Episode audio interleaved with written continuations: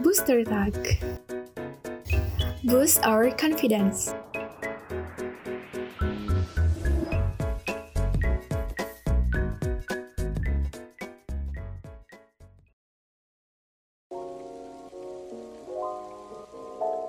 Halo Boosters, welcome back to Booster Talk Podcast. Boost your confidence. Yay! Boosters, gimana nih kabarnya hari ini? Semoga lancar-lancar semuanya, sehat-sehat, baik-baik aja ya. Sesuai janji aku dan Catherine di episode pilot kemarin, hari ini aku bakal ngomongin sesuatu yang sangat-sangat insightful dan tentunya menjawab keresahan teman-teman di dalam satu topik nih. Nah, kira-kira mau ngomongin apa sih? Nah, hari ini kita bakal bahas tentang lika-liku ikut exchange student. Buat yang kalian dari tadi bertanya-tanya, kok mana nih suaranya Catherine nggak kedengeran? Tenang aja, uh, hari ini aku nggak bakal sendirian nih, aku bakal tetap ditemenin karena hari ini kita kedatangan gestar yang akan bercerita tentang pengalamannya selama exchange dan tentunya bakal menjawab pertanyaan, keresahan, kebingungan teman-teman soal exchange student. Dan langsung aja nih, uh, aku bakal langsung undang aja nih. Halo Kak Oki, selamat datang di Booster Talk Podcast. Yeay! Yeay, halo. Welcome Kak, gimana nih kabarnya hari ini? Alhamdulillah baik. Oke oke. Nah, sedikit perkenalan dari aku mungkin. Jadi untuk teman-teman besar yang belum tahu, Kak Oki ini adalah mahasiswa yang pernah exchange student nggak cuma sekali. Kak Oki itu pernah exchange student tuh dua kali, teman-teman. Bayangin kita aja yang sekali belum tentu nih. Tapi biar lebih jelas lagi, silakan Kak Oki untuk memperkenalkan diri. Waktu dan tempat dipersilahkan. Oke, jadi namaku Oki Ayu Permata, biasa dipanggil Oki. Sekarang lagi kuliah di IPB, jurusan Sekolah Bisnis Angkatan 2017. Aku pernah exchange atau pertukaran pelajar ke Jerman sama Korea Selatan. Ih, mantep banget. Jerman, Eropa, Korea, Asia. Wow, bentar lagi nih kayaknya travel ke seluruh dunia bisa nih kan kayaknya. ke Mars kayaknya bisa deh. Oh, amin sih. Oke, jadi uh, untuk teman-teman yang dari kemarin nih mungkin maba-maba atau mungkin yang emang lagi, aduh aku pengen banget keluar belajar ngelihat negara-negara lain, bisa banget nih uh, dengerin Kak Oki ceritanya Kak Oki hari ini uh, karena bakal sangat-sangat insightful banget. Jadi tanpa lama-lama, langsung aja kita bedah exchange student bersama Kak Oki hari ini. Jadi untuk yang pertama aku tuh penasaran banget sih Kak, kenapa dari sekian banyak negara, Oki tuh milihnya Jerman dan Korea. Kenapa tuh Kak? Oke, aku cerita dari yang Jerman dulu ya. Jadi tuh dari SMP kelas 3 aku tuh pengen banget exchange dan itu sebenarnya nggak ada tujuan kayak mau ke mana gitulah. Jadi pokoknya kalau ada kesempatan aku tuh pengen gitu. Nah dulu tuh aku pas SMA pengen ikut pertukaran pelajar namanya AFS, tapi aku gagal di situ. Jadi pokoknya aku tuh punya mimpi itu exchange, exchange, exchange gitu kan. Terus akhirnya uh, pas kuliah itu baru ada kesempatan nih buat ke Jerman. Jadi kayak dekan aku, dekan jurusan aku itu punya link gitu kan ke Jerman. Kita-kita yang di sekolah bisnis itu bisa untuk action ke sana. Ya tetap dengan persyaratan yang ditetapkan kan. Cuman jadinya kayak lebih gampang gitu. Aku mikir apa coba aja ya ke Jerman. Kayak kan aku nggak nggak tahu bakal ada lagi nggak kesempatan gitu. Terus akhirnya aku ke Jerman deh. Wih, keren banget nih. Oh ya, BTW ke Jerman itu di universitas mana sih kak? Oh iya, kalau yang Jerman itu di Hochschule Bremen. Nah, kalau yang di Korea itu di Chonnam National University. Nah, kalau misal yang Korea ini tuh alasan milihnya sih emang emang pengen ke Korea kan. Tapi tuh yang bikin lucunya adalah awalnya tuh aku nggak punya niatan exchange lagi setelah ke Jerman. Eh, tapi ternyata adik-adik tingkat aku tuh uh, konsultasi nih ke aku kayak kak aku pengen exchange nih ke Korea ke sini ke sini gitu. Terus kasih aku tips dan trik gitu kan. Terus aku kayak oh my god Korea. Terus aku langsung ikutan daftar juga bareng sama adik tingkat aku. Terus akhirnya jadi ke Korea deh. Ih keren banget. Itu aku ngebayang sih dari jadi adik kelasnya kayak pertama cuma mau minta kak tips dan triknya dong biar keterima. Eh tiba-tiba malah jadi saingannya. Iya kasihan juga sih dianya tapi ya udahlah.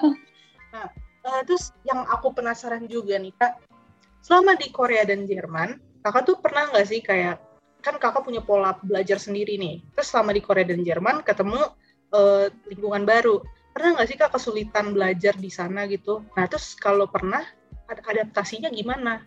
Hmm ya, jadi kalau yang Jerman itu sebenarnya kasusnya beda sama yang Korea karena yang Jerman itu waktu aku semester 5 kan. Jadi aku harus nyari mata kuliah di Jerman yang dia itu mirip sama yang ada di semester 5 aku waktu itu. Jadinya kayak aku nyari materi yang eh materi ya sih materi yang kurang lebih sama gitu biar nilainya bisa ditransfer gitu kan. Biar aku nggak perlu ambil mata kuliah yang ada di IPB. Nah, itu di situ susahnya adalah nyari mata kuliah yang mirip gitu kan tapi akhirnya ternyata ada satu yang bener-bener susah banget dicari padanannya gitu akhirnya yang itu ngulang sama adik adik tingkat gitu di tahun depannya tapi kayak ya satu lah nggak apa-apa yang sisanya dapet alhamdulillahnya. Nah itu mata kuliahnya ada yang gampang ada yang yang susah gitu. Mungkin susahnya karena belum pernah belajar sebelumnya sih jadinya itu susah. Kalau di Jerman kayak gitu. Nah kalau misal di Korea uh, kenapa aku bilang beda kasus? Karena di Korea itu aku lagi semester 8 kan. Nah, semester 8 itu kan udah nggak ada pelajaran, terus aku tinggal ngerjain skripsi. Nah, jadinya aku kayak waktu luangnya lebih banyak gitu. Terus juga nggak ada kewajiban untuk milih mata kuliah apa ya, yang linear gitu kan. Jadi kayak aku bisa ambil apa aja gitu. Nah, karena aku pengen fokus ngerjain skripsi di Korea, akhirnya aku cuma ambil dua mata kuliah belajarnya lebih gampang. Mungkin karena pandemi juga sih online, terus juga aku ngambilnya cuma dikit gitu. Jadi itulah kenapa beda kasus. Nah mungkin buat adaptasinya, kalau yang Jerman itu belum pernah dapat pelajaran kayak gitu, akhirnya itu susah. Jadi ya mungkin harus belajar lebih banyak, harus baca lebih banyak, cari tahu lebih banyak. Apalagi kayak mungkin pelajarannya dapat, tapi ketika dosen yang ngasih contoh itu kan contohnya kan pasar Eropa sedangkan yang selama ini aku pelajari itu pasar Asia misal jadi kayak contoh-contohnya pun udah beda lagi gitu kan terus kalau Korea Korea itu sebenarnya kayak terkenal ini pelajarannya itu banyak yang menghafal gitu lah kayak menurut aku kalau hafalan mah yang penting dihafalin aja udah bisa kok kayak gitu tapi Asia banget sih itu uh, kalau mungkin iya kalau kan? Eropa, Hafalan. Eropa tuh kan studi kasus banget ya. Kalau Asia tuh menghafal ya bener banget sih. Relate banget bener sih. Bener banget sih itu. Oke, okay. tadi kan cara belajar nih. Nah sekarang kita hmm. beralih ke sosial. Nah kan kakak pastinya ketemu budaya baru nih. Kakak sempat ngerasain culture shock nggak sih waktu nyampe di Jerman dan Korea? Terus kalau pernah, gimana cara ngatasinnya? Oke, okay. mungkin culture shock sih iya beda kalau misal orang Asia kan biasanya kan kayak ada basa basinya dulu gitu kan jadi kayak nggak terlalu bikin sakit hati gitu tapi kalau di tapi kalau di Jerman kayak orangnya itu kayak ya kalau mau ngomong itu ya itu gitu. Jadinya kan kayak agak sakit hati tapi terus setelah mikir ya mereka kan cuman ngomong jujur kan. Jadi kayak ya itu sih paling shock sedikit. Terus sama makanannya makanannya. Jadi makanannya itu kayak nggak ada rasanya gitu loh. Jujur aku tuh di Jerman tuh malah makan ini loh kebab Turki. Soalnya itu yang ada rasanya. Tiap hari kak makan kebab Turki tiap hari? Enggak tiap hari. Oh. enggak, enggak tiap hari kok. Jadi kayak kan uh, makanan di Jerman tuh cukup mahal ya. Jadi kayak aku sama teman aku tuh masak kita kita beli ya apa yang gampang-gampang itu lah sayur-sayur uh, biar ada rasanya ya kita pokoknya kasih aja bumbu yang banyak sesuai yang kita mau gitu kan. Terus kalau Korea itu suka juga sama makanannya. Emang enggak yang enak banget kayak Indonesia gitu enggak, tapi kayak enak, aku suka gitu. masih masuk di lidah gitu kali ya? Iya, masih masuk. Enak sih. Nah, cuman orang Korea itu kayak cepet-cepet.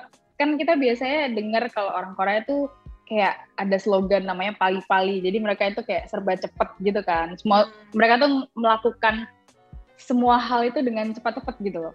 Jadi itu yang bikin aku kayak, eh bisa santai dikit gak sih gitu kayak santuy lah. Kenapa nggak bisa santuy gitu? Kalau di Jerman tuh aku lihat-lihat kayak lebih santai gitu. Jadi apa ya? Kayak ada kelebihan dan ada kekurangannya gitu sih. Dan culture shocknya itu juga beda gitu. Keren sih, karena aku nggak nggak pernah loh kayak mikir negara Eropa tuh santai. Justru aku pikir malah mereka yang kayak hustle culture gitu. malah ternyata kebalik ya. Oke, uh, ini sih kak masih tentang sosialisasi. Ini kan kakak pasti ketemu teman, teman-teman baru, international student pula gitu ya. Pernah nggak sih kak kayak kesulitan untuk sosialisasi dengan pelajar internasional lain? Pernah nggak tuh kak?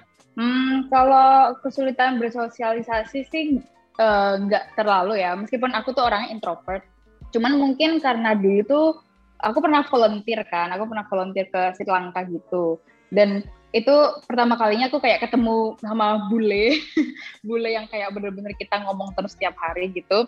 Nah itu tuh emang malu sih, malu dan rada takut gitu kan. Tapi karena uh, program ini tuh aku harus tinggal sama mereka satu rumah. Satu rumah tuh ada berapa orang ya? Nah, kayak ada 10 orang gitu dari berbagai negara gitu kan. Selama enam minggu ya kayak mau nggak mau harus ngomong dong sama mereka. Masa iya di diem-diem gitu kan? Kayaknya mungkin gara-gara itu jadinya exchange yang Jerman sama yang Korea tuh kayak lebih santai gitu loh kalau ketemu sama bule ya. Istilahnya kan kayak kita ketemu orang asing kan kita ngomongnya bule ya. Kayak gitu iya sih. Oh ya, terus uh, buat teman-teman yang mungkin kesulitan untuk sosialisasi sama orang, ada tips nggak kak supaya ayo beraniin diri, gue harus bisa gitu gimana tuh kak? Mungkin kalian harus gedein uh, curiosity kalian daripada ketakutan kalian terhadap ngomong sama mereka gitu. Jadinya kayak kalian kayak karena pengen tahu, jadi mau nggak mau harus nanya atau harus kayak ngajak ngobrol gitu. Lagian juga kayak kalau kalian di luar itu kan kita harus banyakin link kan. Sebenarnya kita exchange kan buat dapetin link gitu kan, link dari orang-orang di luar negeri ya. Entah entah mungkin kita bakalan butuh apa enggak nantinya, tapi Nah, kalau misalnya kalian nanemin mindset kayak aku juga harus butuh link dari berbagai belahan dunia, pasti kalian nanti langsung kayak ketemu orang baru tuh langsung kayak hai hai gitu kayak nama siapa? Ini follow follow Instagram dulu lah. Misal kayak kalau kalian takut follow followan dulu aja nanti kayak ketemu lagi baru kayak nanyain apa gitu. Gitu sih. Oke ini aku relate banget karena aku orangnya kayak gitu. Ini kakak nih sekarang udah semester 8, udah tahun terakhir ya di PB. Nah, hmm. udah dua kali exchange, berarti dua kali uh, dapat kebiasaan baru selama di Jerman dan di Korea.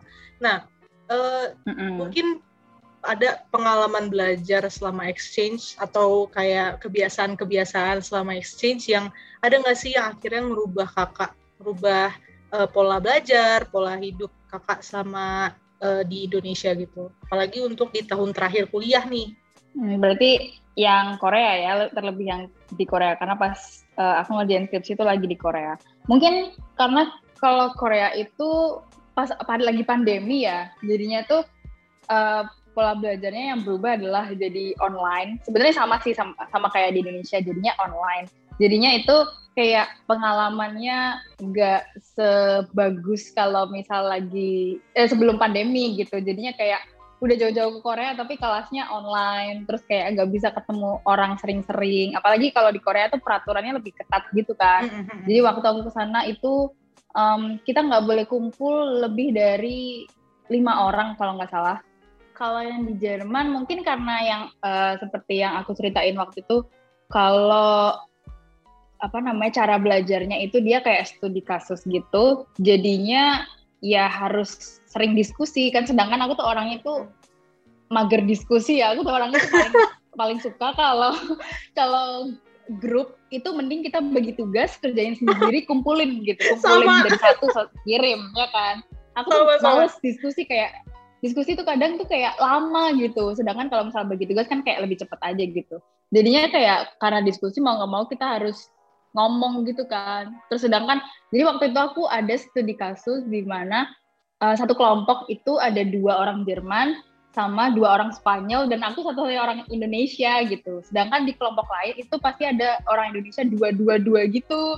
Jadi kayak aku sendiri dan pressure-nya tuh paling tinggi karena kayak aku nggak ada yang aku ajak ngomong gitu. Apalagi pernah waktu itu kumpul di kafetaria gitu namanya Mensa. Di situ pas lagi diskusi apa aku lupa uh, yang Jerman ngomong sama yang Jerman, yang Spanyol ngomong sama Spanyol, aku kayak uh, aku nggak ngerti kalian ngomong apa gitu. aku diem. Oke, okay. uh, nah biasanya nih kalau teman-teman yang pengen ikut exchange tuh yang aku teman-temanku juga banyak banget sih yang kayak gini mereka tuh malesnya ikut exchange karena mereka tuh takut lulus telat aku pengen ikut exchange Hmm. tapi aku nggak mau lulus telat gitu itu mungkin gak sih kak sebenarnya lulus telat sama enggak itu kayak di tangan kita gitu kan. Nah, aku tuh emang gak mau lulus telat, makanya kemarin pas di Korea itu aku bener-bener ya memanfaatin waktu kosong aku buat ngerjain skripsi gitu kan. Cuman kan ka- kadang kayak ada beberapa hal yang menghambat skripsi kita apa untuk cepat itu kan mung- mungkin kayak karena dosennya sibuk. Tapi sebenarnya kalau misal hal-hal di luar itu nggak apa ya nggak mengganggu. Kayak menurut aku bisa lebih cepat sih. Tapi kalau misal emang dari awal itu niat bisa kok lulus dengan tepat waktu. Malah kalau kalau aku lihat-lihat tuh ada teman aku di exchange tapi di kampus beda. Dia itu justru malah udah lulus duluan baru exchange. Bisa kayak gitu ya? Berarti Iya, bisa. alumni juga alumni tahu. exchange gitu ya Iya, aku juga bingung kayak lah dia udah selesai, tapi aku nggak tahu sih mungkin kayak dia selesai tapi kayak belum ambil surat keterangan lulus, jadinya kan statusnya masih mahasiswa nih, jadi dia bisa exchange gitu kan. Hmm. Jadi tapi kayak pulang-pulang udah selesai semua urusannya, tinggal kayak mau lulus lulus gitu aja. Oke. Oh ya, ini eh, aku penasaran sama ini sih. Kan kita kalau ketemu orang baru, ke tempat baru biasanya dapat pengalaman, terus ada juga nih pelajaran, ya kan? Nah, setelah waktu kakak di Jerman sama Korea exchange, ada nggak sih pelajaran hidup yang kakak dapat selama kakak tinggal di Jerman dan Korea? Hmm, mungkin pelajaran hidup dari aku lihat orang-orangnya di sana kali ya.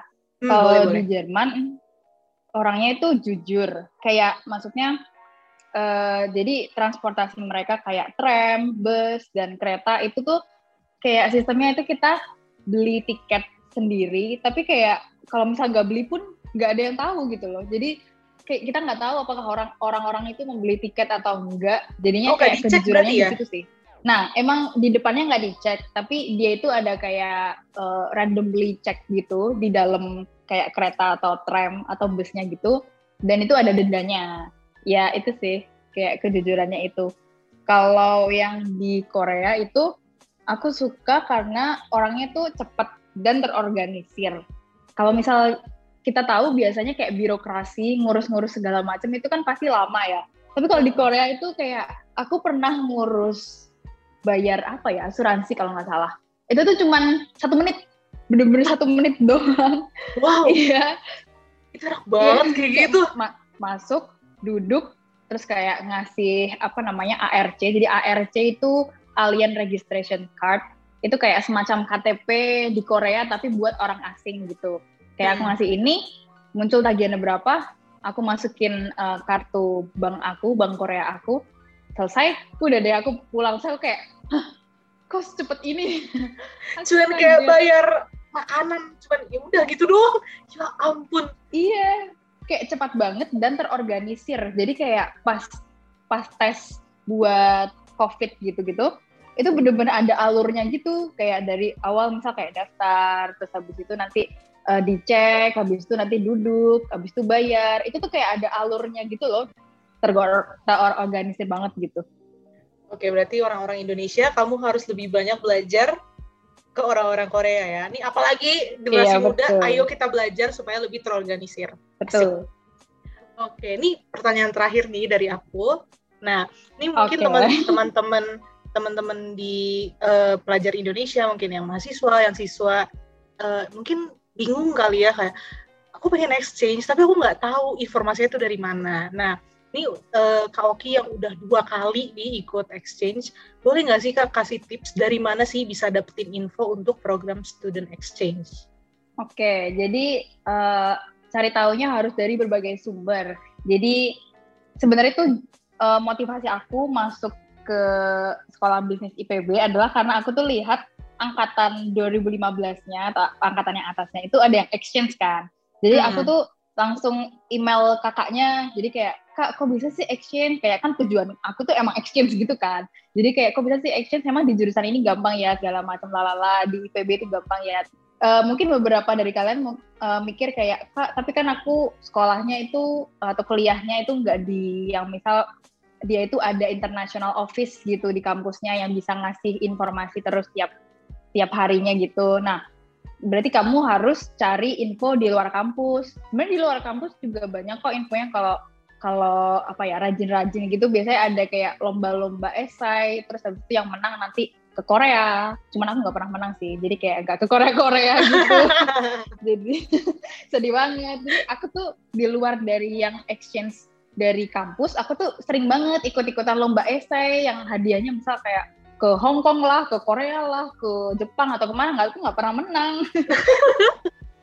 Jadi uh, harus ini ya sih lebih harus rajin-rajin sih kalau mau ikut exchange student tuh nyari info ke mana-kemana dan jangan takut buat nanya-nanya sih ya kak ya kalau iya benar itu program pasti exchange. dijawab kok menurut aku kayak betul banget ada betul yang banget nanya ke aku tuh pasti aku jawab juga Iya sih, karena aku yakin juga orang-orang yang exchange student tuh mereka juga pengen uh, membagikan feeling yang mereka rasain gitu waktu di exchange dan mm-hmm. mungkin pengen juga gitu banyak teman-teman yang desperate banget pengen exchange dan pasti mereka bantuin. Jadi tenang aja teman-teman pasti dibantuin. Gak usah takut tanya. Oke, okay. Uh, untuk pertanyaan aku udah selesai nih. Nah tapi paling mantep nih dari Kaoki sendiri boleh banget nih closing statementnya tentang exchange student buat teman-teman yang lagi kuliah atau yang lagi yang masih SMA tapi aku pengen ke sini, aku pengen ke sini gitu. Gimana tuh kak? Mungkin closing statementnya sederhana aja kali ya. Jadi kayak kalau kalian punya mimpi exchange jangan putus asa. Semangat karena aku aja punya mimpi exchange tuh dari kelas 3 SMP dan baru tercapai empat tahun kemudian. Kayak itu juga perlu sabar terus usaha terus berdoa. Itu sih semangat. Yes mantap banget. Oke jadi kalau aku bisa simpulin ya nih teman-teman dari aku ngobrol-ngobrol sama Kak Oki. Jadi kalau teman-teman punya cita-cita punya pengen pengenan nih pengen banget ya ampun BM aku tuh kayak ke mana ke mana exchange student ke mana. Itu uh, jangan uh, jangan males-malesan jangan uh, nyerah juga untuk nyari-nyari info karena pasti teman-teman yang udah pernah exchange itu bakal bantu kalian. Dan uh, dari semua kesulitan dari semua kebingungan itu pasti bakal ada uh, jalan keluarnya. Jadi kalau jangan pernah takut buat mencoba hal-hal baru, jangan takut buat ketemu orang-orang baru karena dari situ biasanya ada eh, kesempatan-kesempatan uh, lain buat teman-teman yang uh, lebih terbuka lebar, lebih luas lagi ya nggak Kauki? Setuju nggak? Setuju nggak? Betul, setuju banget dong. Oke, mungkin untuk episode hari ini cukup sampai di sini aja uh, karena aku benar-benar insightful banget hari ini. Terima kasih banyak Kak Oki sudah mau bercerita-cerita nih ke Jerman dan Koreanya, aku jadi yeah. ngebayangin ikut-ikutan ke Jerman dan Korea nih. dan Min. semoga uh, episode hari ini uh, bisa memberikan insight juga untuk teman-teman yang punya mimpi untuk ke luar negeri belajar uh, ikut exchange dan semoga pertanyaan-pertanyaan kalian tentang exchange uh, bisa sedikit terjawab dari episode hari ini. Dan nggak uh, lupa juga teman-teman seperti biasa Booster Talk mempunyai sosial media yang bisa teman-teman ikutin. Ada di TikTok, LinkedIn, dan ada di Spotify juga. Dan tentunya Instagram jangan lupa uh, untuk di-follow untuk mendapatkan uh, informasi yang lebih menarik lagi. Namanya gampang banget ada di @boostertalk. Jangan lupa di-follow teman-teman. Dan uh, thank you banget untuk teman-teman yang sudah mendengarkan episode hari ini. Sampai jumpa di episode berikutnya. Stay confident stay healthy teman-teman. Yay! Thank Yay. you, Kalvi. Thank Yay. you juga. Bye-bye. Bye-bye.